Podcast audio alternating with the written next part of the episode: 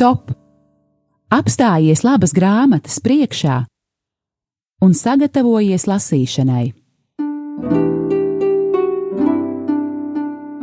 Grāmatzīme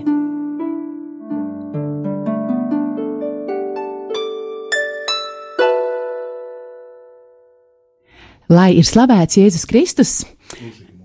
Tātad trešdiena, pulkstenis 13.00 un eh, laiks raidījumam grāmatzīme. Studijā esmu Sāja Baloda no izdevniecības Kala raksti, un man ir liels prieks un pagodinājums, ka mans sarunas biedrs šodien ir bīskaps Andris Kravalis, un eh, arī liels prieks par to iemeslu, kādēļ mēs esam satikušies, jo ir iznākusi pāvesta Franciska um, grāmata vai apustuliskais pamudinājums Kristus vivit, Kristus dzīvo. Um, mēs mazliet nākot pretī e, jauniešiem, lai viņus nenobiedējot, kā apakšvirsrakstu uzrakstījām vienkārši pāvesta vēstījums jauniešiem un visai dievu tautai, bet tādā smalkā vārdā tas saucas pēc sinodes apustuliskais pamudinājums, Kristus vivit. Tātad liels prieks šis darbs ir tātad iznācis latviešu valodā. Un par to arī šajā raidījumā runāsim. E, Bīskapa Andi, tad varbūt sāksim arī ar šo um, sarežģīto formulējumu pēc sinodas apustuliskais pamudinājums. Varbūt apstāsimies pie tā, ko tas īsti nozīmē. Jā, tad, tad ir labi tiešām sākt ar vārda etimoloģiju, un vārds sinode nāk no grieķu valodas sinodas, kas īstenībā nozīmē e, kopīgi, darīt kaut ko kopīgi, un tas īstenībā ir e, kopīgs eh, notikums visai baznīcai, un otra daļa - hodos nozīmē ceļš. Tātad varētu teikt, ka ar šo baznīcas dokumentu baznīca vēlas iet kopīgi ar jauniešiem vienā virzienā, un jāsaka, ka tā ir ļoti bieža prakse jau no pāvesta eh, Pāvila VI. Ir eh, tradīcija, paradums, ka baznīca ik pēc gadiem sapulcējās, uh, Eh, sasauc speciālistus, eh, izdara aptauju visā pasaulē, un arī mums tika šāda aptauja izdarīta, un tādi aktuālākie jautājumi tiek eh, izcelti, izdiskutēti un arī pāvesta klātbūtnē pārunāti. Un tāpēc šie dokumenti saucās pēc sinodes materiāla apkopojums, kas tad uh, parāda gan baznīcas atbildi uz jauniešu izaicinājumiem, gan šī sinode nebija tikai domāta jauniešiem, bet eh, viņa gāja kopā ar jauniešiem, tāpēc ka jaunieši tika izjautāti, bija atsevišķi jautājumi. Eh, anketas, eh, tās tika nosūtītas biskupu konferencēm. Atceros, ka arī mēs šeit, Latvijā, pie tā strādājam. Atceros, labi, gan katedrālē, prosanktitāte māsas, gan arī mūsu draudzē. Un šādas sinodes jau ir bijušas vairāk kārt. Tikko arī noslēdzās svarīga sinode, kas runā par Amazonas apgabalā dzīvojušiem jautājumiem. Pirms kāda laika bija sinode par ģimeni, un dokuments Amoris Leticija ir mums. Tātad ir atsevišķas sinodes par baznīcu Āfrikā, baznīcu Āzijā, sinodes, piemēram, par konsekrēto dzīvi, dievam veltīto dzīvi, Un šī tātad sinode ir pēdējā, un man prieks, ka mēs uh, esam samērā ātri. Nu, pārtulkoši nav pat pagājis gads. Pagājušā gada aprīlī šis dokuments kļuva pieejams, un viņš tātad deviņās nodaļās uzrunā jauniešus. Un kā tāda forma tiešām uh, ir labi to atcerēties, sinode ir baznīcas vēlme iedziļināties, pavadīt, izskaidrot un arī nonākt līdz kādā, kādiem kopsaucējiem, kas ir svarīgi un saistoši visai baznīcai. Bet sinode e, nevar būt, ja tā var teikt, nu, dogmātiska vai doktrināla. Tā nekad e, neko tādā veidā e, nevēlas mainīt, bet viņa vēlas vienmēr būt pastorāla lai baznīca ieklausītos cilvēku vajadzībās, nav jāsasauc koncils, kā tas ir bijis baznīcas vēsturē, bet tieši caur sinodes palīdzību, un tas bija pāvests eh, Pāvils VI, kas 1965. gadā 15. septembrī atsāka šo tādu uh, sinodes tradīciju, ko īstenībā baznīca jau pazina pirmajos gadsimtos. Bet kas ir mainījies tagad ar pāvesta eh, Franciska valdīšanu, ja tā varētu jautāt? Pāvests, ja runā par šo tieši dokumentu, tad pāvests sacīja, pirmkārt, baznīcā ir jāieklausās jauniešos.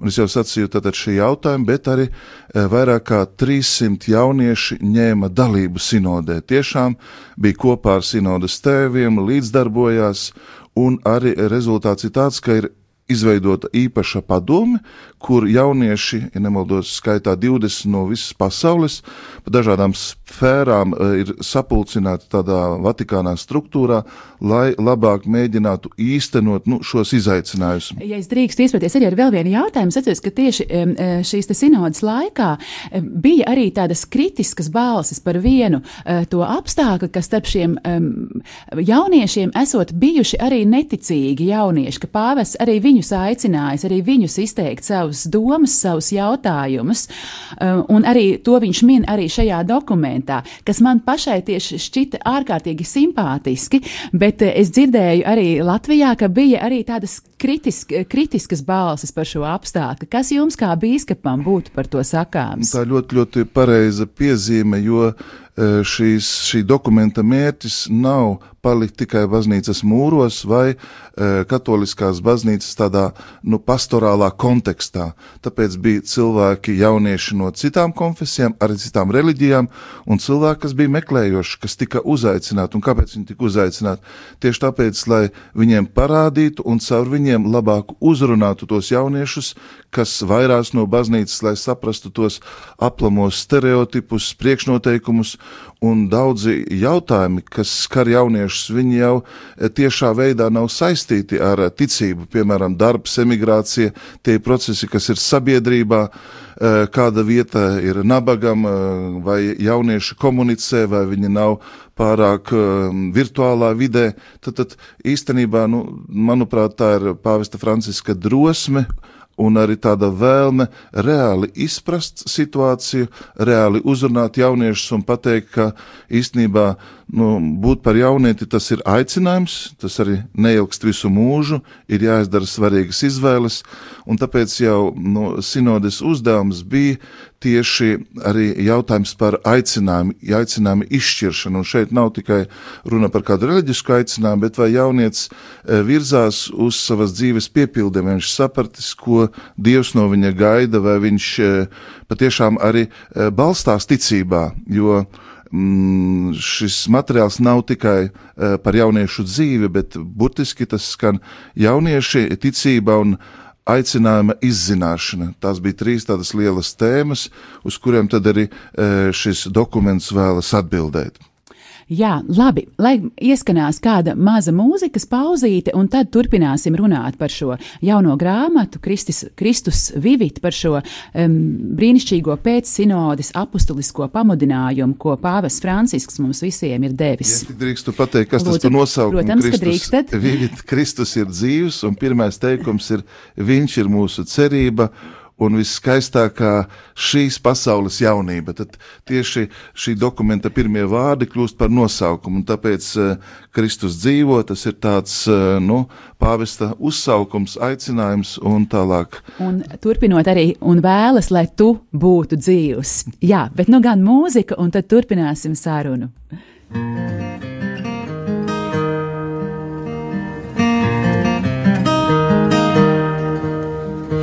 Take away the melodies, take away the songs I sing, take away all the lights and the songs you let me write. Does the man I am today say the words you need to say? Let them see you.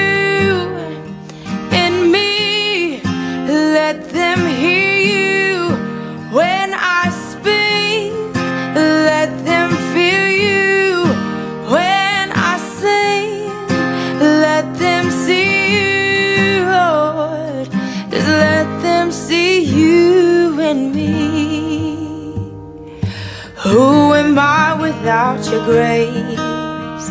Another smile, another face Another breath, a grain of sand Passing quickly through your hands I give my life an offering. Take it all, take everything. Let them see you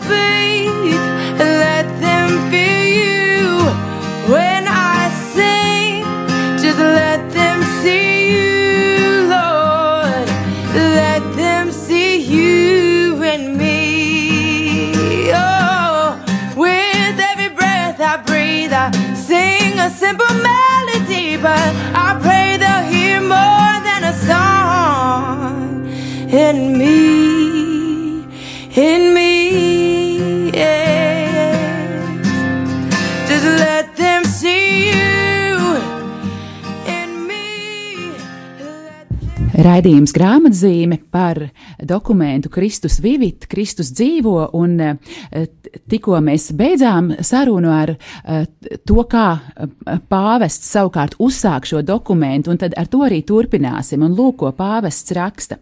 Kristus dzīvo, viņš ir mūsu cerība un šīs pasaules skaistākā jaunība.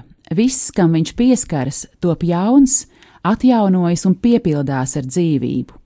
Tāpēc pirmie vārdi, ar kuriem vēlos uzrunāt ikvienu jauno kristieti, ir šādi: Viņš dzīvo un vēlas, lai tu būtu dzīvs. Viņš ir tevī, viņš ir ar tevi un nekad tevi neatstās. Lai cik tālu tu aizklīstu, tev blakus ir augšām celtais, kas tevi sauc un gaidi, ka tu sāksi no jauna. Kad tu jutīsies vecs, skumju sarūktinājuma, baiļu, šaubu vai neveiksmju dēļ, viņš būs pie tevis, lai dotu tev jaunu spēku un cerību. Eh, Lūk, jā, jūs, eh, Bīskapa Andri, ieskicējāt arī par mm, problēmām un sarežģītiem jautājumiem, par kuriem šis dokuments runā, bet vienlaikus eh, tomēr tas tonis, kādā pāvests Francisks runā ar jauniešiem un par jauniešiem, tiešām ir tāds vitalitātes un cerības pilns, un par to tiešām viņam milzu paldies. Un jūs arī sacījāt, ka, lūk, tātad gan bīskapi no visas pasaules, gan arī jaunieši bija iesaistīti, tad no visām pusēm nāca šīs ierosmes jautājumi, kas tad būtu tas svarīgākais, par ko sinodē runāt un ko tātad pēc tam ie, ie, ietvert šajā dokumentā. Mans jautājums būtu tāds, un jūs arī pieminējāt, ka arī Latvija bija uh, klātesoša, uh, kā tieši vai arī Latvijas jaunieši uh, piedalījās un kas varbūt bija tās tēmas, ko mēs no savas puses pienesām. Manuprāt, ir ļoti labi atgriezties pie šī dokumenta eh, tapšanas, un tad mēs labāk varam saprast, kāpēc eh, šīs tēmas, kāpēc pāvis tādā veidā atbild, un viss ir iesācies ar jautājumiem. Īsnībā jauniešiem ir jautājumi, un viņi vēlas, lai baznīca dod atbildi. Un šajā gadījumā viņi vēršas ar šiem jautājumiem pie biskupiem savās lokālajās baznīcās. Un jau divus, trīs gadus pirms šīs sinodes tika uh, sasaukta tāda pirms sinode, priekšsinode, ja varētu teikt, un izdots dokuments Instrumentum Laboris, kas īstenībā nozīmē materiāls, pie kura tad, jaunieši, un ne tikai jaunieši, bet arī biskupu konferences katrā valstī strādāja un deva savas atbildes. Tas bija tāds sagatavošanās posms, kur um, tad, tad tika meklēti atbildi, meklēti speciālisti, tātad arī piesaistīti jaunieši no dažādiem kontinentiem, lai šīs atbildes būtu universālas, lai iepazītos ar, ar viņu izaicinājumiem. Un um, pašas sinodes laikā, un tad, tad, tās bija aptuveni trīs nedēļas, Latviju pārstāvēja arī mūsu arhibīskaps Zbigņevs Stankevičs, kas ņēma aktīvi darbu gan ar priekšlasījumu, un man bija iespēja mazliet arī ieklausīties, ko viņš izvēlējās kā savu tēmu. Viņš piedalījās arī darba grupās, un tādā dokumentā 12. punktā Viņš vairāk izcēla tēva lomu ģimenē, sakot, ka ļoti bieži uh, valda, ja tā var teikt, mazliet mātes kults un uh, vīrieša cieņa, viņa aicinājums, viņa varbūt priesteriskā sūtība un misija ģimenē netiek saprasta Un, eh, ja tā var teikt, ir tāda šķiru cīņa starp vīrieti un sievieti, un nav, netiek meklēts kopējs labums, un tāpēc arī cieši ģimene. Vēl, ko mūsu arhibīskaps tā izcēla, ļoti interesanti, viņš saka, ka jaunietis vēlas atstāt visas durvis un visas iespējas vaļā un viņš īsti nespēja pozicionēties, nespēja izdarīt izvēli, e, izvēlēties savu aicinājumu, profesiju vai, vai, vai, vai dibināt laulību. Un, e, ja tā var teikt, tāda nu, nenoteiktība, bailes no ilgtermiņa lēmumiem īstenībā nu, jaunietim labu nedara. Viņš nespēja uzticēties, un viņš tieši tādā veidā nu, iet tādā Uh, sevis neizpratnē, jo cilvēks veidojas tad, kad viņš tiek pieņemts, pieņem lēmumus. Tad arī uh, arhibīskaps runā par ģimenes situāciju Eiropā, par dažādām arī ideoloģijām, kas uh, nu, arvien vairāk un vairāk ir klātesošas, un arī jauniešiem nu, traucē pareizi skaidri redzēt šīs izvēles. Bet, ja vajadzētu paskatīties jautājuma klāstu, tad nu, šie, šīs deviņas e, nodaļas īstenībā jau mēģina šos jautājumus kā, nu, izklāstīt, un arī tad, tad, nu, baznīcas e, tēvi, bīskapi, kas e, mērķiecīgi strādāja, dodot atbildes, ieklausījās jauniešus, un arī jaunieši paši deva atbildes, tad šīs atbildes nav vienkārši tā kā, nu, pingpongs, kur mēs jautājam mums acīt atpakaļ, bet jāsaprot, ka baznīca, baznīca jaunieši ir dārgi un eh, tā viena no domām, no patiesībām, kas tika izcelta, jaunieši nav baznīcas rītdiena, bet eh, tā ir jau šodiena. Jau rītdiena tagadne, sākās jā. šeit, šī brīdī, un tikai tāpēc, ja mēs klausāmies, esam kopā, saprotam un veidojam šo pastorāli, tad mēs arī skaidrāk redzam. Un vēl viena tēma, ko arhibīskaps arī aizskāra, runājot publiski, sauzunā tā bija garīgā vadība.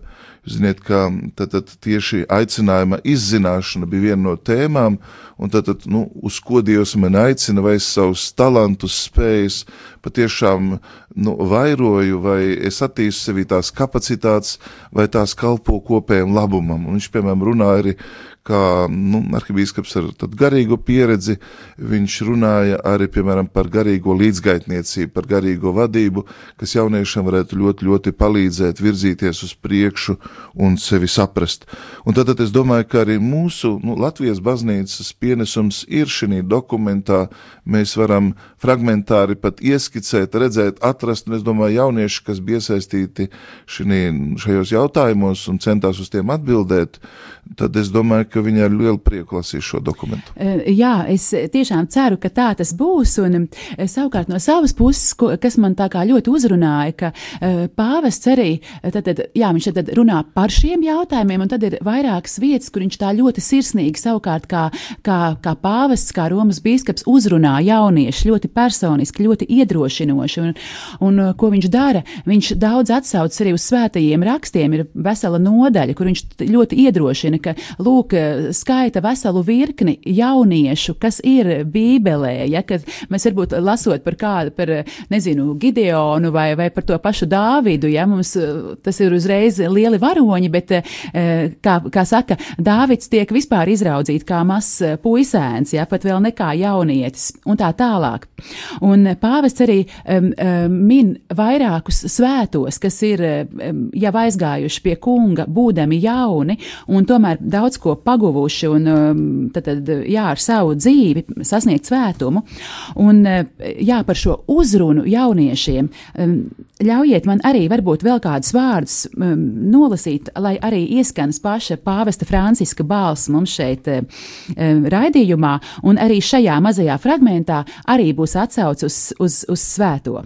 Nu, lūk, un Tātad tā ir um, trešā nodaļa, kur arī ir vairākas problēmas situācijas pāvests uh, minējis, un viņš saka, um, tomēr um, nevēlos noslēgt šo nodaļu, pirms ar dažiem vārdiem neesmu vērsies pie katra no jums.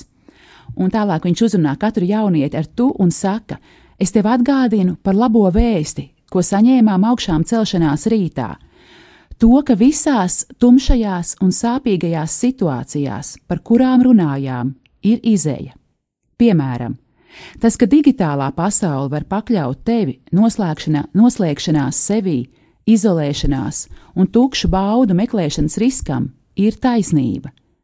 Tomēr neaizmirsti, ka ir jaunieši, kuri arī šādā vidē ir radoši un brīžiem pat ģeniāli. Tāds bija godināmais Karlo Akutis Viņš ļoti labi apzinājās, ka šo saziņas, reklāmas un sociālo tīklu mehānismu var izmantot, lai mūs darītu miegainus, atkarīgus no patēriņa un lai mēs pirktu visas jaunās lietas, kas parādās tirgū, lai mēs kļūtu apmāti ar brīvo laiku, noslēgušies negatīvismā. Taču viņš prata izmantot mūsdienu saziņas tehnoloģijas, lai cilvēkiem piedāvātu evaņģēliju, izplatītu vērtības un skaistumu. Karlo neiekrita slazdā. Viņš redzēja, ka daudzi jaunieši, kaut arī tie šķita tik atšķirīgi, galu galā kļuva tādi paši kā visi citi, dzenoties pēc tā, ko šīs pasaules varenie viņiem uzspiež, izmantojot patēriņa mehānismus. Un tā tālāk, un pāvests turpina, tāpēc Karlo vārdiem runājot, notiek tā, ka visi piedzimst oriģināli, bet daudzi savu dzīvi beidz kā fotokopijas, un pāvests saka, nepieļauj, ka tā notiek arī ar tevi Neļauj, ka tev nozog cerību un prieku, neļauj, ka tevi iemidzina, lai izmantotu kā vērgu citu interesēs. Uzdrošinies būt kas vairāk, jo tava esamība ir svarīgāka par jebko citu. Nav nozīmes tam, kas tev pieder vai kā tu izskaties. Tu vari kļūt par to, kas esi, Dieva, tava radītāja acīs. Ja tikai atzīsi, ka esi aicināts uz kaut ko vairāk, Lūdz svētā gara palīdzību un paļāvībā ej uz lielo mērķi, uz svētumu. Tad tu nebūsi kopija, bet pilnībā tu pats. Vai nav brīnišķīgs mūsu pāvests Francisks? Eh, lūk, jā, eh, varbūt pēc šiem iedvesmojošiem vārdiem, tos pārdomājot, ieklausīsimies vēl kādā um, mūzikas skaņā, un tad turpināsim runāt par šo brīnišķīgo dokumentu Kristus Vivit, Kristus dzīvo.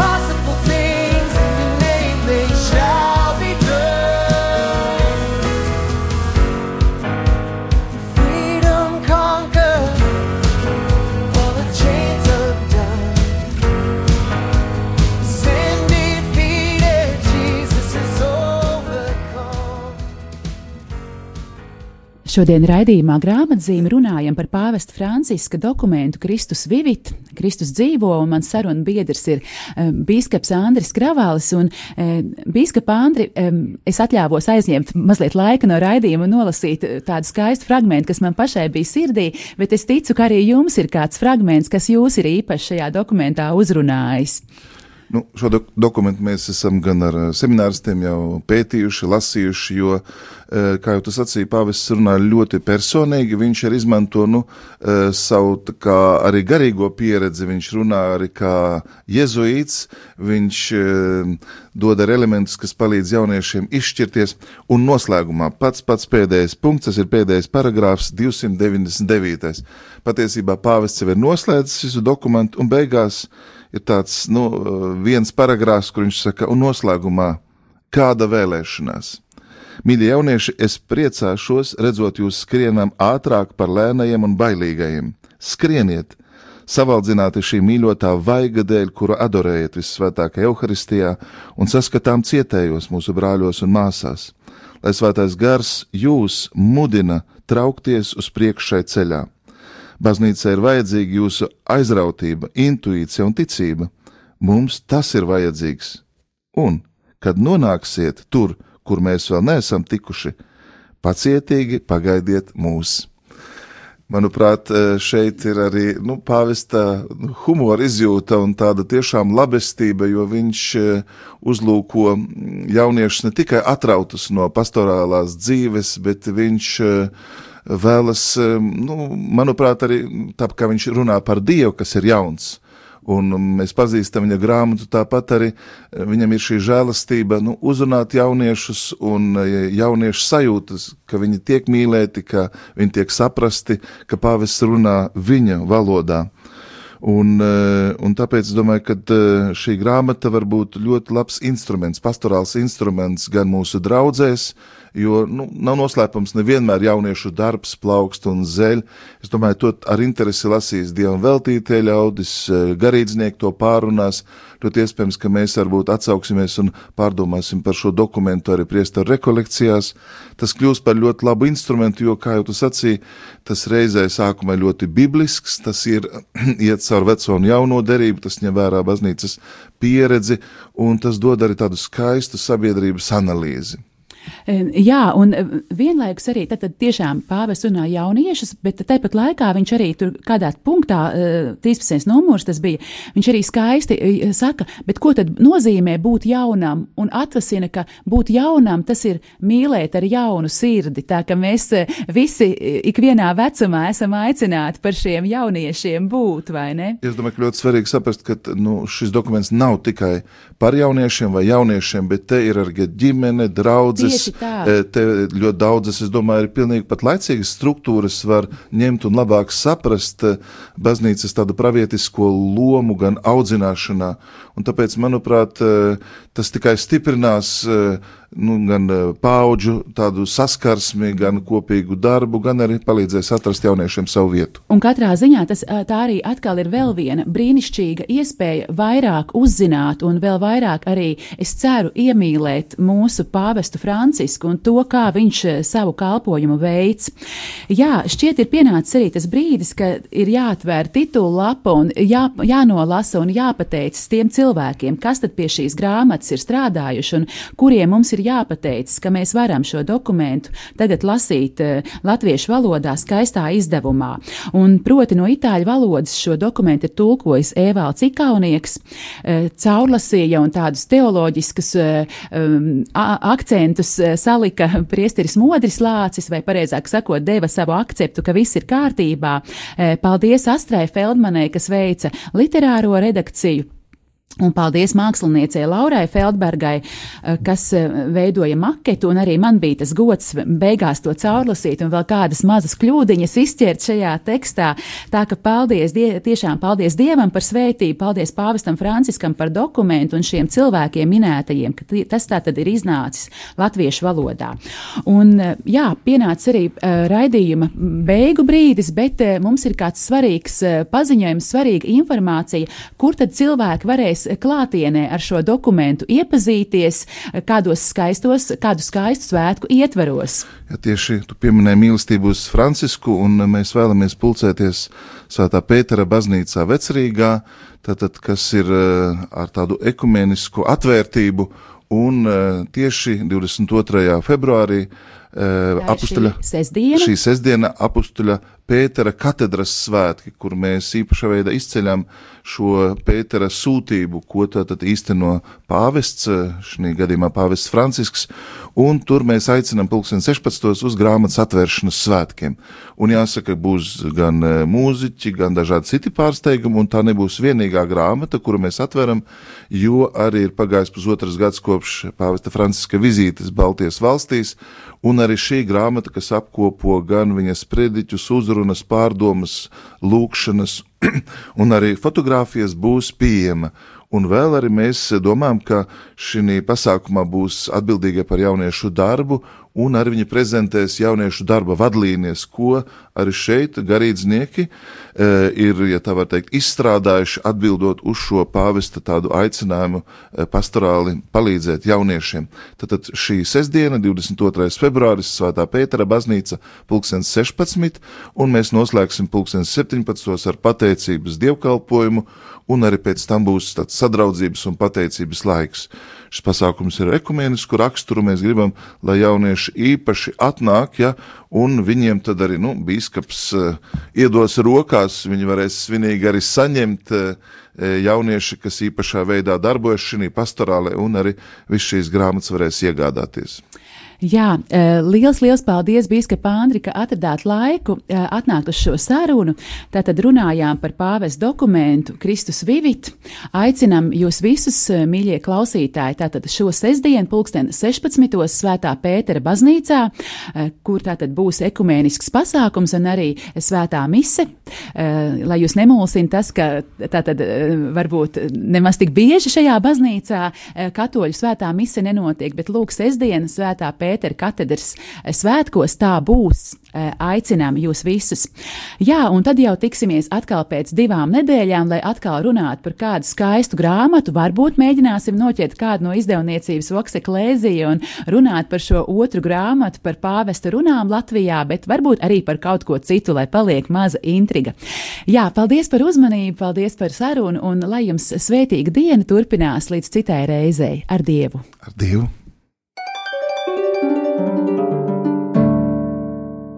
Stop! Apstājies labas grāmatas priekšā un sagatavojies lasīšanai. Grāmatzīme